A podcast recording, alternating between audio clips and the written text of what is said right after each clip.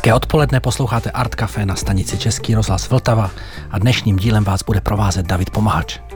Udílení cen za filmovou tvorbu Český lev se blíží. 9. března v pražském Rudolfínu zjistíme, které snímky, tvůrkyně a tvůrci nejvíce zaujali členy Filmové akademie. My se dnes budeme věnovat filmové hudbě, tomu, jak vzniká a hlavně, jak skladatelé v průběhu procesu tvorby přemýšlí. Mými hosty dnes jsou skladatelé nominovaní na Českého lva za rok 2023 Karel Havlíček za film Bratři. Dobrý den. A Jan Šléška za film Bod obnovy. Vítejte v Arkafe. Dobrý den, děkuji za pozvání. Představme si i zbytek nominovaných v kategorii nejlepší hudba. Jonathan Piony Pastrčák, Citlivý člověk, Michal Pavlíček, Tancuj Matildo a Simon Goff za film Úsvit. K jaké filmové hudbě se vracíte a máte nějaké ikonické soundtracky, které máte pořád v hlavě? Karle. Mm, jo, je vlastně to, to pro mě to strašně těžký, protože já vlastně jak hudbu dělám každý den 24 hodin denně, tak já už vlastně jsem, vůbec nemám čas na to nic poslouchat, vlastně ani kapacitu, ani chuť. Takže samozřejmě potom někdy si kouku na staré filmy a líbí se mi to, jo. A právě my jsme se tady chvilku povídali předtím, než uh, se rozsvítila červená, že miluju Johana Johansna a ty nový skladatele, prostě současné éry, Max Richter a tak, Olafur Arnolds, tak to se mi strašně líbí. Ale že bych si někdy, nepamatuju si, že bych si někdy pustil teď třeba soundtrack, jako a měl na to čas. Hmm. Jak to máte vy, Jane? Eh, mě vlastně zajímají hlavně soundtracky filmový, které jsou velmi autentický a osobitý.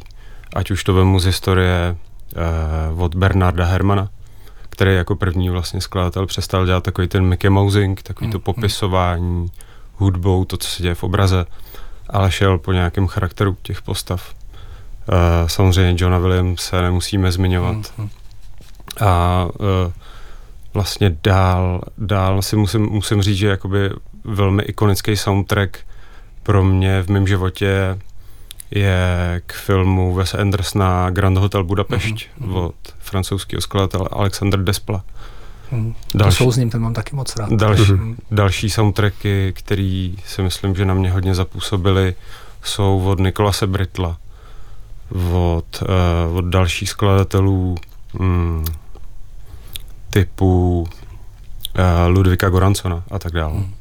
Jane, vy jste nominovan uh, za film Bod obnovy, což je sci-fi a takový jako vlastně velký sci-fi, který se u nás moc netočí. Uh, vzpomenete si na, nějak, na ten okamžik, kdy vám přišly první záběry a uh, něco vás napadlo, nebo jste už vlastně skládal na základě scénáře? Já jsem dostal ten scénář, ten jsem přečetl jedním dechem, ten se mi strašně líbil, hodně mě oslovil. Eh, potom režisér Robert Hlos mi na rovinu řekl, eh, že vlastně nic nemám za sebou, myslel to dobře, ale tenhle ten film byl vlastně můj debit a že potřebuju udělat nějaký tender na hudebního skladatele, mm-hmm. že se mu hrozně líbí, co dělám, ale vlastně chtěl by znát nějakou mou vizi. Takže mi poslal první scénu z toho filmu, kde nejsou žádný, kde nebyly žádný CGI, ještě jsem vůbec neviděl, jak moc to bude science fiction. Uh-huh. Uh, já jsem v únoru v roce 2022 složil hudbu pro tuhle tu úvodní scénu a ta hudba tam vlastně zůstala od té doby, skoro úplně jakoby nezměněná, takže se to potkalo, moje vize, uh, vize režiséra. A co se týče toho science fiction nebo jakoby toho žánru, jestli je to víc detektivní, víc science fiction, lidi o tom hodně mluví. Hmm. Já musím říct, že já osobně jsem se od toho odprostil, jak moc to je, jaký žánr. Já jsem před sebou měl ten film a pro mě to nejdůležitější bylo autenticky složit hudbu pro tenhle ten konkrétní daný film bez toho, aniž bych se pohyboval v mantinelech hmm.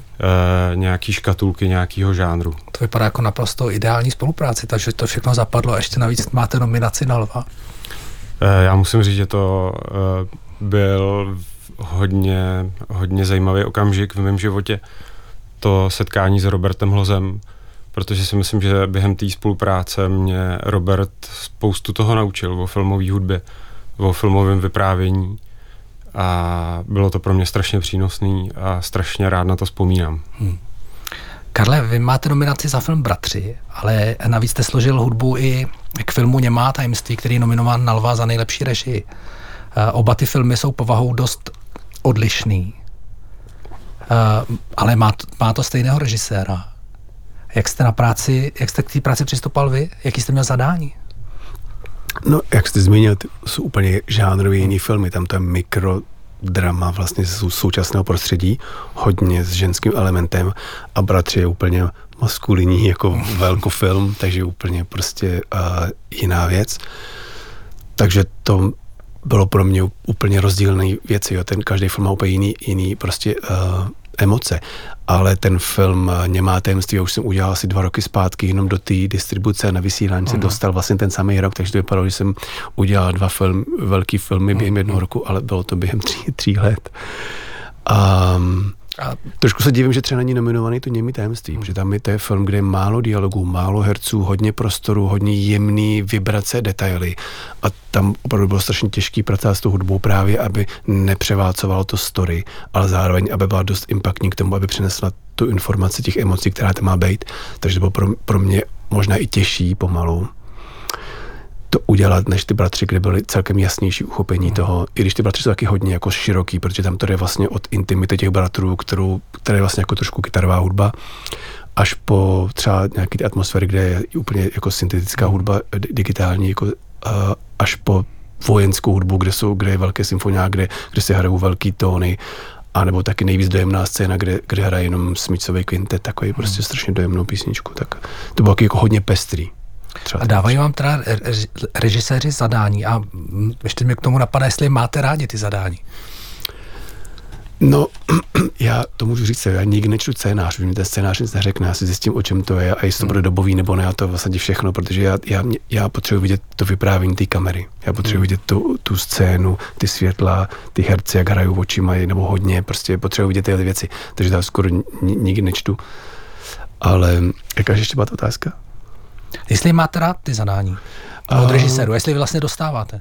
Jo, tak samozřejmě, tak jako režisér vždycky hmm. ten, kdo přijde s nějakým jako nápadem, jo, ale samozřejmě vždycky se mi líbí, když, když se režisér obklopí profesionálama ve všech oborech a, a prostě se ještě vylepší, že třeba je rád, já rád přináším nějaké nové věci. Takže mě baví, když to není jako udělej přesně tohle a ahoj, ale líbí se mi, když, když to je nějaká prostě jako jako spolupráce. To znamená, že se navzájem jako ovlivňujeme, inspirujeme a posouváme dál a snažím se vždycky třeba přinést jiný úhledy pohledu, jiné možnosti, to představit a říct, proč to tak je a vlastně developovat tu hudbu jako víc uh, personálně, protože potom mě to hrozně baví a potom tím víc žiju a je to víc, víc, víc se do toho dostanu. Hmm. Já nevím, přikivujete, souhlasíte s tím? Já jsem žádný jiný film ještě nedělal, hmm. takže eh, na tu, na, na tu otázku můžu odpovědět jenom z hlediska zkušenosti s Robertem Hlozem na filmu Bod obnovy. A tam to bylo tak, že Robert měl jasnou vizi, co ta hudba má přinášet. Eh, chtěl výraznou hudbu, chtěl kontrastní hudbu, protože samozřejmě ten film esteticky, vizuálně stojí na krásných kontrastech mezi syrovostí toho prostředí a mezi uh, high-tech science fiction technologiemi.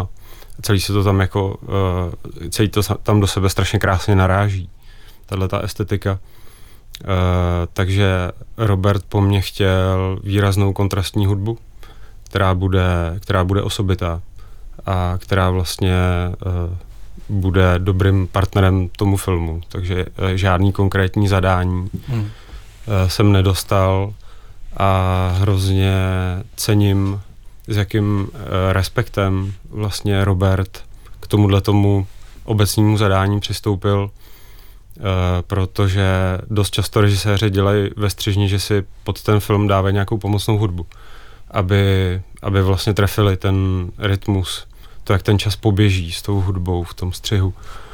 A Robert se, se střihačem Jarkem uh, to vlastně neudělali. Mm. Takže já jsem dostal němý film a musím jim za to hrozně poděkovat, protože to je strašně neobvyklý. A vlastně hrozně si toho vážím, toho respektu, s jakým ke mně přistoupili. Mm. To chápu úplně. Vy jste, Karle, mluvil o tom, že vlastně to vypadá, že jste za, za rok udělal dva filmy. A mě u toho napadá, eh, jak dlouho vlastně tu hudbu skládáte. Jestli se to dá zobecnit, eh, eh, dá se říct prostě průměrná doba, kdy skládáte hudbu. Ale připadá mi, že udělat dva velký filmy za rok, kdybyste měl to tak, že to je vlastně opravdu jako šibeniční termín, šo? No to už jsem udělal víc než dva, jako někdy, no, už to mám hodně. Ale um, já mám problém s tím, že já dělám strašně moc věcí najednou, ale zároveň to jakoby neumím, takže já miluju to, když můžu něco dělat dlouhodobě jenom jednu věc, Aha. jako každý chlap v podstatě. Takže já jsem se to musel naučit, že prostě dělám ještě a dělám ještě reklamy, spoustu jiných věcí, seriál, dělám hrozně seriálu. Takže uh, vlastně musím umět přepínat, to je třeba to nejtěžší, jo, protože ten film třeba dělám tak průměru, si může třeba půl roku, dělal jsem film i rok a půl, třeba nej, nejdýl, co jsem dělal. A ty Balty jsem dělal třeba půl roku ale během toho je miliony věcí ještě, které musím mít okolo, takže je to strašně náročné jako udržet tu, tu konzistenci toho, protože si vytvoříte nějaký virtuální svět v hlavě, ty instrumentace toho, co tam bude a to si musíte udržet ty nápady a to rozvíjení toho nápadu. A když vás něco vyruší, tak vždycky se musím jako nasynchronizovat zpátky do toho, do toho vlastně projektu, v kterém dělám. Takže to je takový jako vždycky nejtěžší. No. Hmm. Já si uh, vlastně dovedu představit, že to musí být strašně těžký dělat těch uh, projektů zaráz víc a když člověk sleduje skladatele, který jsou fakt jako velký jména, dělají velký světový filmy, uh, koukne se do jejich databáze a oni udělají tři velký filmy za rok. Hmm. Uh, nevím, jak to dělají, jestli je to opravdu jako ty skills, ta zkušenost. Uh, některý z nich samozřejmě mají velký týmy těch spoluskladatelů, který pro ně rozepisují ty hmm. témata, Chápu. dělají aranže, orchestraci a tak dál. Nicméně přesně, jak o tom mluvil Karel, je to strašně těžký. Já jsem ve, ve finální fázi skládání hudby pro film Bot obnovy musel odmítat tyhle ty malý, menší, uh, menší vlastně zadání, zakázky, projekty, protože mě to hrozně rušilo hmm. vlastně v té koncentraci. Mně u toho napadá otázka, s jakým pracujete rozpočtem, ale to si řekneme až po uh, další ukázce a tentokrát to bude uh, ukázka Night Ride uh, od Karla Havlíčka.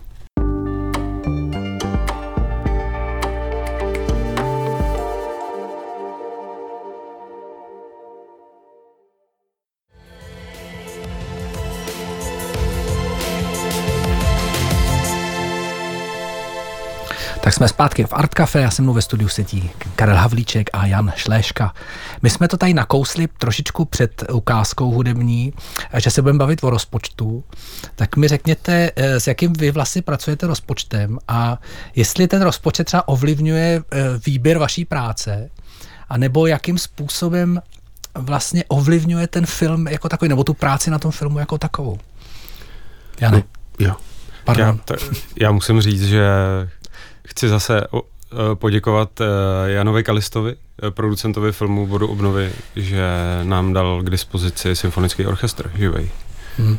Což e, byl fakt jako velký dárek pro nás. Jsme, byli jsme z toho nadšený s Robertem. A takže ten rozpočet byl asi velký. Nevidím do toho, ale myslím si, že je to asi maximum, co skladatel může dostat. Hmm. Jak to vidíte vy, Karle? No, s rozpočtem. Já to vidím dobře, protože vlastně jak vlastním že, studia a, tak, a hmm. vlastně dělal jsem, vlastně dělám hodně v Americe a tady, takže vidím ty hmm. rozdíly, jo, takže hmm. samozřejmě to je asi pro mě ten největší rozdíl v tom, že vidím, že ten budget v té Americe úplně někde jinde než tady. Takže a zase přistupuji s tím, že jsem Čech, miluji Čechy, žiju tady, takže jsem schopný se adaptovat i na to, co tady je. A vždycky se snažím to udělat tak, že nekoukám ten rozpočet, prostě udělám to, jak mi se to nejlíbí. Líbí.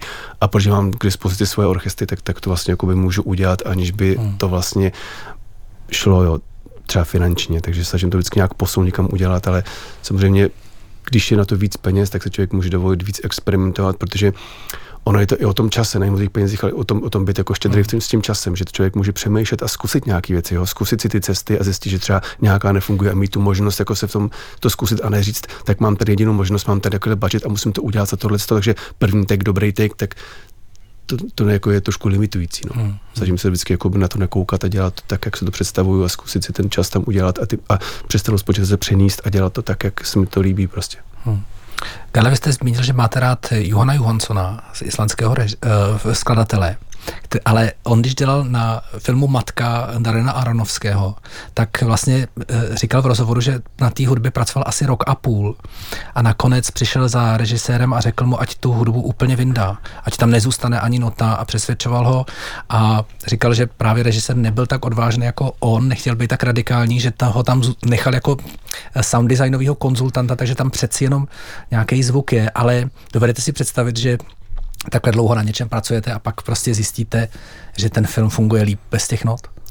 No myslím si, že jako jistě základní pravidlo je právě netahat si to ego té práce. Hmm. Jo, to znamená, že podřídí se tomu, že vlastně film je týmová práce a že tam nějaká hierarchie, kdy někdo rozhoduje a někdo nerozhoduje. Hmm. Takže potřeba se podřídit. Ale mně se třeba jednou stalo, že jsem jako dělal hudbu k nějaký scéně, nebo tak tím filmu, ale ke scéně, kde, kde, kde šlo udělat jako miliony přístupů. Jo? A já jsem si volil ty přístupy jak dlouho, až jsem zjistil, že třeba právě to ticho je nejsilnější, že vlastně nedáte, ta hudba totiž napovídá hmm. a nedáte žádnou napovědu. A když nedáte žádnou napovědu, tak to je někdy silnější, že ten divák je tak tak strašně jako, jako neví, že a je, to, a je to cílený, takže bez té hudby to je někde lepší, no. Já souhlasím, že to je otázka velkého jako ega versus uh, toho umělce jako takového, té osobnosti.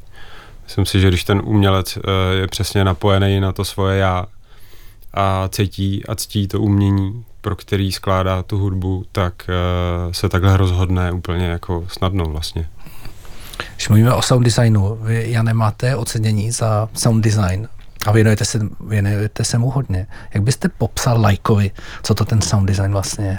Sound design je vlastně uh, abstraktní, stylizo, abstraktní stylizovaný stvárnění zvuku v audiovizi. Už se mu tolik nevěnuju, už, hmm.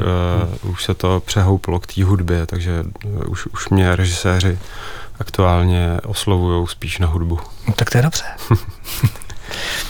Dokážete popsat, eh, jak se vyvíjel váš skladatelský styl v průběhu let?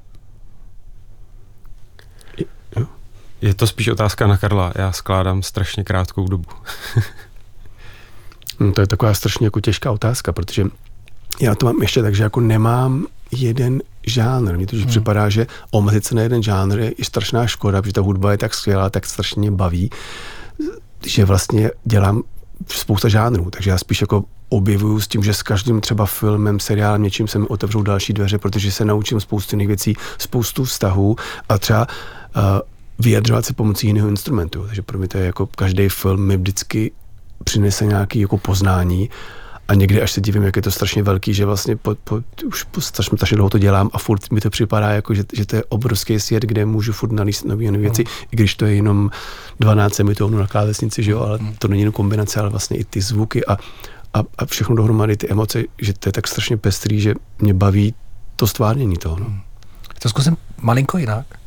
E, jsou nějaké konkrétní vlivy nebo události, které definovaly to vlastně, proč jste začali skládat a jak skládáte? Ve mně se to rodilo snad celý život a musel přijít ten správný moment, kdy to šlo vlastně ze mě ven. Hmm. Karle? No, já, já jsem nikdy nedělal nic jiného, takže já to mám takový, jako, že já jsem s tím žil a vždycky jsem věděl, že chci skládat a hrozně bavilo jakoby filmy, takže já jsem jako od začátku, já jsem nechtěl nikdy být zpěvák, který na pódiu hraje prostě nějaký pop music, který jsem taky dělal. Mm. ale to bylo jako spíš vedlejší, že jsem se učil jiné věci, ale mě vždycky nejvíc baví být ve studiu, dělat ty věci a od máčka takhle mám, že prostě mm. jsem chtěl dělat jako k filmu, k obrázku, hudbu prostě. A existuje něco, co byste si přáli, aby si váš posluchač vaší, vaší hudby z toho odnesl? Přemýšlíte nad tím takhle vůbec? Asi z čeho jako? Z té hudby. Jestli máte nějaký pocit, který byste chtěli, aby se Určitě, odnes? určitě. Nebo, Já, když jsme, když, když jsme eh, s Robertem Hlozem, režisérem film, filmu Bod obnovy, vlastně eh, vymýšleli celou tu koncepci té hudby, tak jsme strašně přemýšleli nad dramaturgií, nad vlastně tematickým materiálem, který pomůže tomu vyprávění tomu filmu.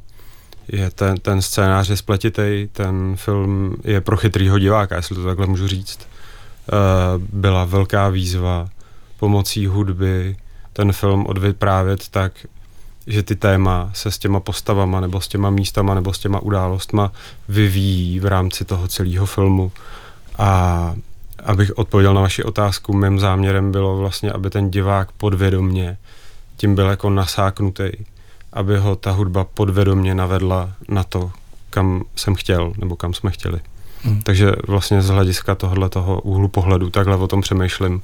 Takový chci, aby to mělo impact na toho diváka, eh, to působení. Samozřejmě další rovina té hudby, ta hudba v tom filmu za mě má strašně moc rovin, strašně moc uh, působu, působení účinků. Další rovina je samozřejmě ta emocionální, emoční, snažil jsem se vlastně během toho komponování s Robertem mluvit o, o psychologii postav, kde ty postavy třeba byly ještě před začátkem toho filmu, kam jdou, jaký, maj, jaký mají background, prostě to, co tam není vidět hmm. v tom filmu a v tom obraze. Uh, protože si myslím, že je, by, bylo za mě jako vlastně zbytečný v tom filmu skládat hudbu, která komentuje nebo zesiluje nějaké emoce, které už tam jsou. Ale hrozně jsem se snažil a přemýšlel jsem a vcitoval jsem se do toho filmu a mluvil jsem o tom s Robertem, co je tam ten třetí rozměr, co jako chceme, kam toho diváka chceme navíst. Jestli ho chceme navíst uh, tam, kam čeká, nebo ho povedeme někam hmm. a pak uděláme pic a, hmm. a, a, a on, on bude překvapený, že vlastně to, tohle nečekal. Tenhle ten dějový zvrat, hudba ho tam vedla, děj ho tam vedl a najednou se tam stane zvrat, který ho překvapí. Prostě. Tak si tu atmosféru filmu bodu, eh, bod zlomu Bod obnovy. Bod obnovy, pardon. Teď jsem se zamotal. Uh, omlouvám se. Uh, připomeneme další ukázkou.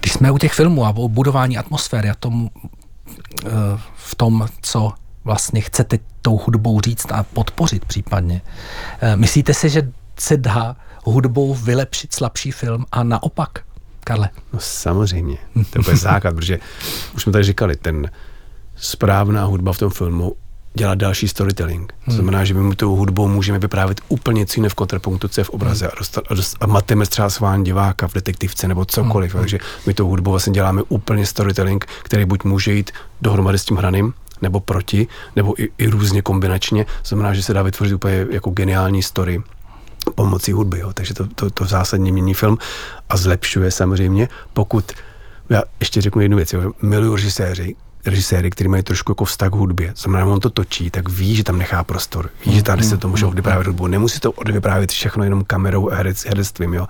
Takže to, to milou režiséry, který už to, na první schůdce už ho poznám, že je takový, že to vnímá, tak potom se to s tím dá dělat fakt velké věci. Tak to mě strašně baví. A zkazit tou filmu, no to se asi taky dá zkazit samozřejmě, no. Když někdo nemá vkus, tak se zkazí hned, jo. A dokážete si, Karle, vzpomenout třeba na nějaký film, kdy jste si říkal, že vás ta hudba vysloveně ruší? No věč, jako většinou starší filmy, ne, neřeknu konkrétní, ale že hmm. třeba jakoby ten starý styl, kdy třeba byl, nevím, intimní rozhovor dvou lidí, a je tam strašně moc tónů. Hraje tam prostě ária, která má různý hmm. dramatický přechody, velkou dynamiku. A v podstatě jako je to tak strašně jako, jako uh, oddalující od toho, od to, toho děje, že vlastně najednou zjistíte, že posloucháte hudbu, vůbec nevíte, co se tam říkalo. Jo? Hmm. Takže spíš jako hudbu, která vyloženě třeba strhává na sebe pozornost a nenechává prostě to hrát tak, jak má. No. Hmm. Já nevím, jste tady před chvilkou použil takový termín Mickey, Mickey Mousing. Mickey Mousing. A to je uh, termín, předpokládám, eh, toho doslovného vlastně... Toho původního starého Hollywoodu, jo. toho uh, hollywoodského přístupu, kdy vlastně se tou hudbou kome- komentovalo hmm. dění v obraze. Bylo to rytmicky synchronní hmm. a bylo to emočně synchronní a vlastně dvě média říkali to samý. Zvuk, hudba hmm. říkala něco a obraz to samý. Dovedete si představit, že dostanete takovouhle práci, že ji, že ji jako s radostí uděláte? Ne. Když, když je to jako trošku mus, už mus, musel out by, of date.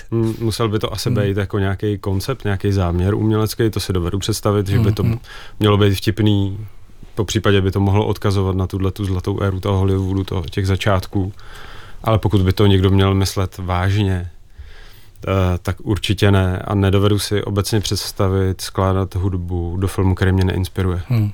Hmm, že bych to bral jako job, jako práci, jako zakázku, strávil tím rok, dal do toho maximum ze sebe, ze svého osobního života, ze své energie, nějaký mý vlastní autenticity a nebyl bych s tím stotožněný, neinspiro, ne, vlastně nepři, nepřicházela by tam ta inspirace, ta, ta dějová, myšlenková, obrazová, estetická. Hmm. Moc si to nedovedu představit, myslím si, že ta hudba by asi nebyla úplně moc dobrá. Hmm. Když se ještě vrátím k trošku k obecnější rovině, myslíte si, že mají v Čechách skladatelé dobré podmínky pro práci? Jak to vidíte z vaší zkušenosti? To je strašně těžko říct, protože já to můžu jako jenom ze svýho, jako, hmm. protože nevidím do kuchyní ostatních lidí. Ale myslím si, že ne, že prostě je to o tom hodně, že i z mála se dá udělat hodně. Jo. Si pamatuju, hmm. když jsem začínal dělat, měl jsem tenkrát základní počítač bez zvukové karty s, s výstupem na sluchátka a na tom jsem udělal celou desku a do dneška, když to pustím, tak tam něco je, takže je to vždycky o tom nápadu, ani to hmm. není o tom, o tom vlastně, že musí člověk mít dokonalý studio, dokonalý tým, něco. Je to prostě o tom, že i z málo se dá udělat hodně, takže tam záleží jenom vyloženě na tom, co máte v hlavě a v srdci. Hmm. Já myslím přesně, že ty podmínky, já je vnímám jako mezili, mezilidský, ty podmínky, nevnímám je jako materiální. Hmm. Hmm protože už nežijeme v době páskových magnetofonů, ale žijeme v době virtuálních instrumentů. Myslím si, že každý k tomu má přístup strašně snadný. A jak jste položil tu otázku ohledně těch podmínek, jestli český skladatelé mají dobré podmínky, tak si myslím, že to je spíš otázka na, eh, na vztahy eh, hmm. tvůrčí mezi režisérem, mezi producentem a hudebním skladatelem. To, hmm. si myslím, to, to si myslím, že definuje ty podmínky jako mm, hlavně. Vy máte oba zkušenosti se s prací pro, v zahraničí. Co by se ve srovnání s tím, jak to funguje venku, eh, mohlo tady zlepšit a mělo? Jako myslím v, konkrétně v přístupu celého toho průmyslu filmového. To je, to je podle mě to jako srovnávat NHL a nějakou nějakou menší ligu. Prostě je to hmm. o tom, že tam je prostě větší rozpočet, je tam víc funkcí. Tady třeba music editor, já tady nepracuju v Čechách, jsem nikdy nepracoval s music editorem, který by byl po ruce a nějak bychom spolu hmm. řešili věci. Já jdu rovnou k režisérovi nebo k producentovi, hmm. to se mi v Americe nestane, tam prostě je x lidí mezi mnou, komunikují prostě na nějaký úplně jiný úrovni než, než tady. Je to, mám tam víc možností samozřejmě s budgetem, že můžu tam si zajímat se o nějaký instrumenty, které bych si tady nemohl dovolit, že nebo hmm. lokace, kde se dá točit třeba hudba, taky věci. Vnímám to u těch zahraničních skladatelů, že jsou dva druhy zahraničních skladatelů. Eh, jsou zahraniční skladatelé jako Alexander Despla, který tvrdí, že všechno dělá sám. Samozřejmě, jak Karel zmiňoval, music editor, tyhle ty jakoby editační mm, profese tam jsou, eh, nebo nějaký supervizor, nebo nějaký konzultant. Eh, pak na druhém pólu přístupu ke skládání filmové hudby stojí ikonický Hans Zimmer, hmm který, který už má takový impérium. Který až. už si leta zakládá na týmové spolupráci hmm. mezi těma spolu skladatelema, mezi lidma, který pro něj píšou. Takže já si myslím, že ty přístupy jsou různý a myslím si, že největší odlišnost je ve velikosti toho týmu, hmm. který tu hudbu může opečovávat. Když půjdeme teďka k nominacím, když se na ně podívám, tak jsou nominovaní jenom muži což samozřejmě není úplně otázka na vás, ale dokážete si tohleto vysvětlit, proč těch žen eh, je z té filmové branži skladatelský míň? Nebo mají možná míň příležitostí? Ne. Nevím, takže vím, Hildur teď dělá skvělou hmm. muziku, že jo, od, od Johana, prostě ze studia je spousta žen asi. To se tak nikdy nepřemýšlel, znám spousta žen třeba v Americe, co dělají muziku a dělají dobře. No tady spíš, že u nás to tak není, že to opravdu Jo. Jako těžko se těm, že nám proniká do tohohle světa, mám pocit. Jsem koukali na, na nějaký minulý e, roky, tak tam prostě víme o Beatě Hlavenkový, že, že No třeba filmu, Beata, no, dělá, ta dělá filmy. No. Ale e, není jich moc. No. Já vůbec nedovedu hmm. říct, čím to je a vlastně jakoby ne, neznám žádný konkrétní příklad, na kterém bych to demonstroval, že by nějaká hudební skladatelka chtěla skládat filmy. Hmm a teď jí to někdo nějakým způsobem znemožnil, nebo nebo nedal jí příležitost. Přesně úžasný příklad Beata Hlavenková, která píše fantastickou muziku, kterou strašně respektuju a oceňuji. A ta, ta, je, ta je velmi aktivní. Ne, neznám ostatní případy, nemůžu říct. Hmm, hmm. Pojďme si dát další hudební ukázku.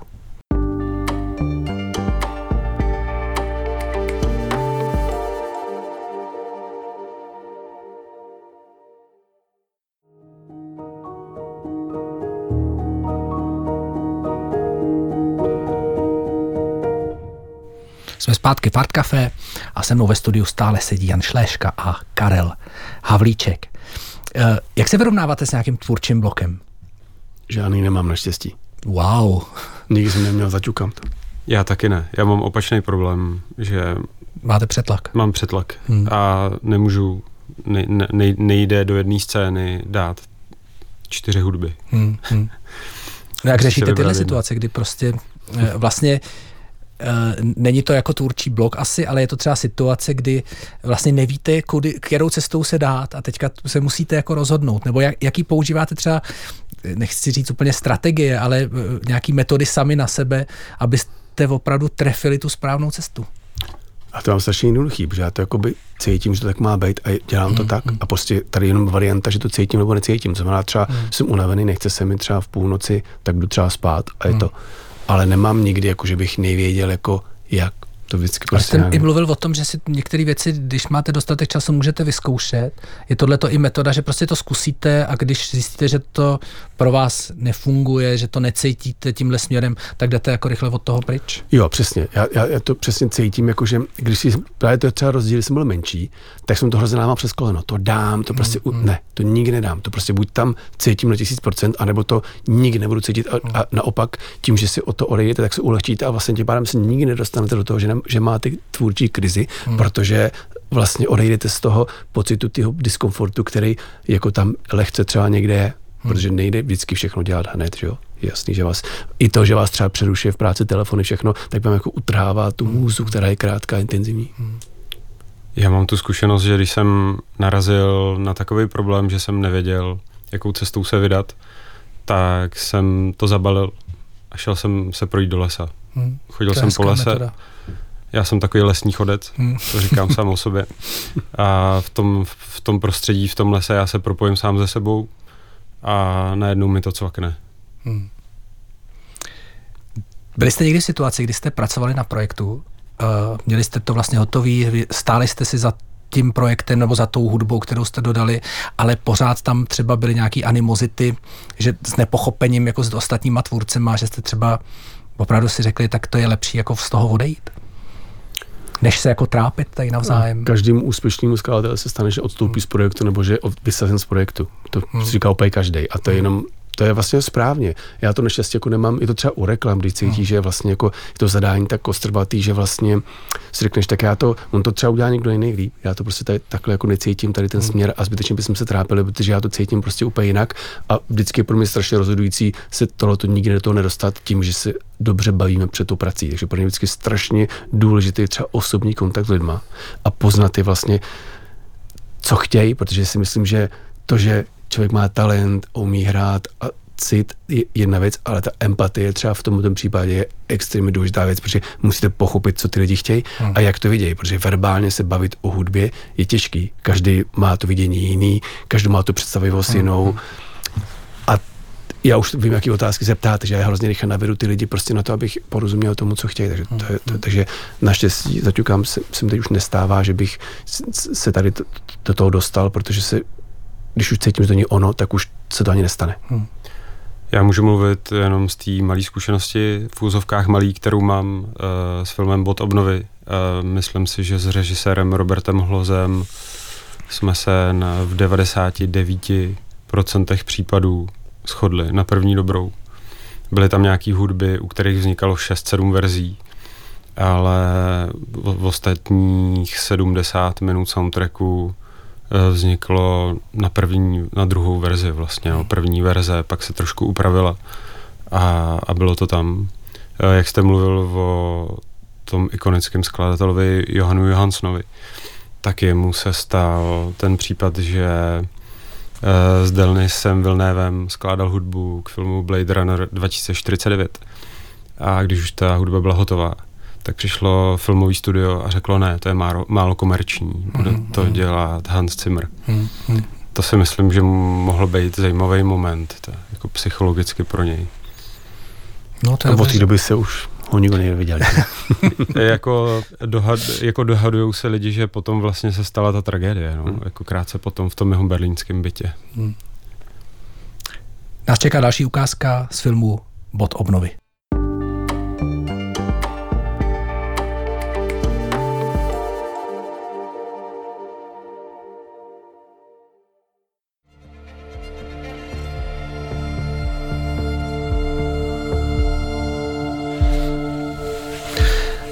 Skládání hudby je jedna věc a pak jsou další složky, jako je mix, jako je ten sound design, o který jsme mluvili. Jaký máte zkušenosti uh, v tomhle směru? kde třeba rádi nahráváte, nebo máte nějaký oblíbený spolupracovníky? No já jsem strašně vybíravý na to, hmm. hrozně, protože ten tým lidí, s kterým pracuju, musí být hlavně lidi, kteří přemýšlejí jak, jako podobně, jsme na stejné vlně, jo, protože tam už to je víc než jenom komunikace slovní. Tam to to napojení, to, že si prostě navzájem úplně jako rozumíte na tým bazální úrovni. Takže já jsem na to strašně extrémně citlivý a zároveň jako umím dělat i zvuk, nahrávat si, umím hrát na všech instrumentech, takže já jsem takový jako hodně kriticky na všechno. Takže já si skoro všechno dělám sám, protože to mám k tomu ty prostředky a můžu. Jo? Hmm. Takže jsem na to hrozně háklivý, že potom takhle to udělám a jsem s tím vlastně spokojený, protože se vyjádřuju přesně jak chci. A ten mix té hudby je pro mě strašně důležitý, protože já nikdy jako to nenahraju a nenechám to. Já to vždycky ještě tím zvukem, tou dynamikou toho zvuku, hmm. to můžu pomáhat tomu strašně moc ty expresy těm, těm věcem, jo, a hodně pracuju třeba i s předjezdem, dojezdem, se šumama prostě, s umístěním mikrofonu, s ambientem.